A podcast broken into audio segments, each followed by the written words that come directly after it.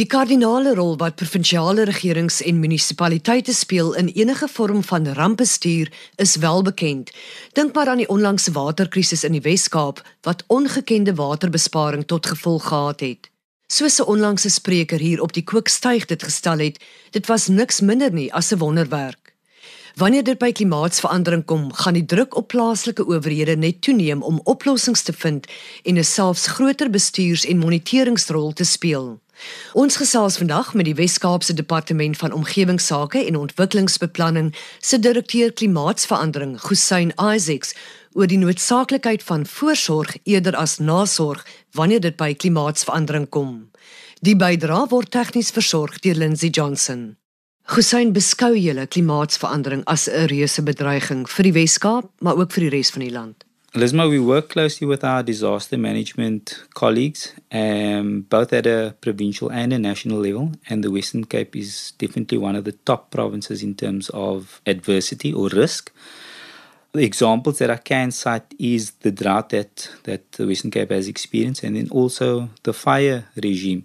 We know that the Western Cape is highly dependent on tourism uh, and the fynbos as one of the kingdoms, the plant kingdoms that only resides in this province. So we have a lot to lose um, when it comes to, to, to that sector. En die brand is natuurlik 'n reuse probleem. Fires are a huge problem. So with the climate change projections being a warmer and drier uh, climate that is anticipated, fires can wreak major havoc going into the future. Hussein, dis bemoedigend om te sien dat daar 'n direkteur is spesiaal vir klimaatsverandering. Wat behels jou take? From side at a provincial government, it's predominantly responsible for the development of policy and strategy, which is what uh, we do. And then to support the local sphere of government, which is our municipalities. En wat is julle beleid wat betref klimaatsverandering? Um, there's a two-pronged approach that we have adopted in the in the in the Western Cape. We have a what's called a Western Cape climate change response strategy, where we use a mitigation, which is the reduction of greenhouse gases, as well as adaptation, which is to prepare ourselves for the inevitable changing climate. So it's a two-pronged approach, and that is how we are going to prepare ourselves as as a province. Hussein, is dit veral gemik op die groot industrie, die groot bedrywe? Lisma almal het 'n rol om te speel in uh, in hierdie veg teen klimaatsverandering. So dit is privaat sektor, dit is die regerings, almal tot op 'n huishoudelike vlak. En wat word van ons op huishoudelike vlak verwag? Okay, the the the most important thing at a household level is to actually reduce your greenhouse gases. South Africa is one of the biggest contributors um, in Africa to greenhouse gas uh, production. And this is essentially because of the way we produce our power up north. So as much as the Western Cape thinks it's uh, clean. We are responsible for using the power that is generated north. Each uh, party needs to bring its part. So it's just about raising your consciousness about what you can do. I think we, as a society, we are used to using a lot and we need to start dealing with a, a lot less. So, firstly, is to reduce our the, the use of resources. I think people, what you can do is to start carpooling.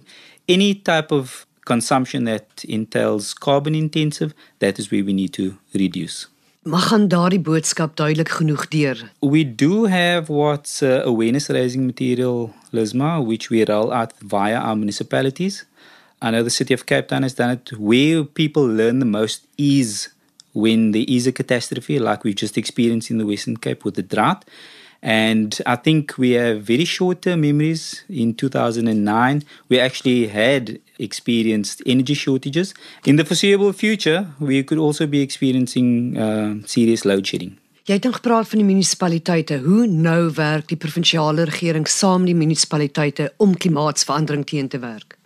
Lisma, because of the um, the important role that that they have to play. And this is outlined in both the natural climate change response strategy as well as the, the Western Cape climate change response strategy that I've alluded to earlier. Their role is paramount. Climate change plays itself out at a local level. So the first point of call would be your municipality. What the Western Cape government has done is to actually go to a district level because we also have capacity constraints is to develop a district level response strategy. So this is how um, the Western Cape government has supported both the districts as well as the locals. Wat is julle grootste uitdagings wat voorlê? I think the the biggest challenge is to get more role players uh, engaged.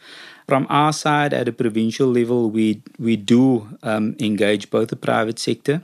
We've got what's um, called a transversal management system, uh, where climate change spans across different sectors. So we've got a particular forum that brings these different stakeholders together to so that we can improve our decision making. We can no one particular sector can tackle this issue on its own. So it's about getting the role players together and improving our decision making. Julle het gegevens oor kweekhuisgasvrystellings in Kaapstad. Hoe staan sake nou vergeleke met sê maar 10 jaar gelede? To date in my directorate we've done 3 iterations of a um, greenhouse gas emissions report. And I can safely say that over the past 10 years things have stabilized. So uh, our greenhouse gases has not gone down, but we think one of the reasons for this is that there has been an influx of people into the Western Cape. So we are, we are expecting climate refugees down in this part of Africa. Not just from South Africa, sorry, but north as well. En massaverstedeliking is een van die groot oorsake van klimaatsverandering. Hoe gaan julle dit in die toekoms bestuur? very difficult, Lisma. It's extremely difficult question. Our minister has alluded to this, and um, I think in the next decade we are expecting another two million, or by 2040, another two million citizens, and we've already just experienced shortages around water. We're going to have to seriously look at how we manage this. Hussein met al hierdie mense wat jy verwag, gaan stedelike ontwerp moet verander we'll definitely have to look at, at how we plan and we work closely with our Department of Human Settlements. And in, in our department as well, the, the second or the first part of it, ontwikkelingsbeplanning, that is the area that we, we actually plan our cities and municipalities will be expanding. Dink jy klimaatsverandering gaan uiteindelik 'n uitwerking hê op basiese diensverskaffing? It will definitely have an impact on how on service delivery um, by municipalities, and that's why we're asking them to think seriously about how they deliver services. So um, again, we, we can use the, the water crisis as an example, and then how we deliver energy to the citizens as well. Hussein, ek dink daar is dalk baie mense wat dink klimaatsverandering gaan net oor die omgewing, maar dit strek veel verder. Lesma, that is absolutely correct. Climate change is not just an environmental issue but it hits both the social as well as economic sectors as well. We just concluded an economic assessment of the impact of climate change on the Western Cape economy. And the time frame leads up to 2040, and all the indicators are that if we don't adapt, the Western Cape will be could be worse off by 17%. 2040, that's around the corner. Eh? Soos Gesyn vandag verduidelik het, sal enige doeltreffende optrede teen klimaatsverandering groter samewerking vereis op regeringsvlak sowel as in die privaat sektor. Behalwe vir opleiding en bewusmaking, is die beperking van hulpbrongebruik soos energiebesparing van die vernaamste teenvoeters.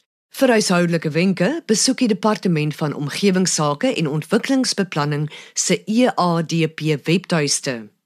Die uitdagings is legio, maar soos ons ook al weet, is teenspoed ons grootste leermeester. In die woorde van die ontslape Britse politikus Benjamin Disraeli, daar is geen groter opvoeding as teenspoed nie. Die program word ondersteun deur die Wes-Kaapse Departement van Landbou. Ons groet tot volgende week. Onthou die aarde is kosbaar, kom ons bewaar dit.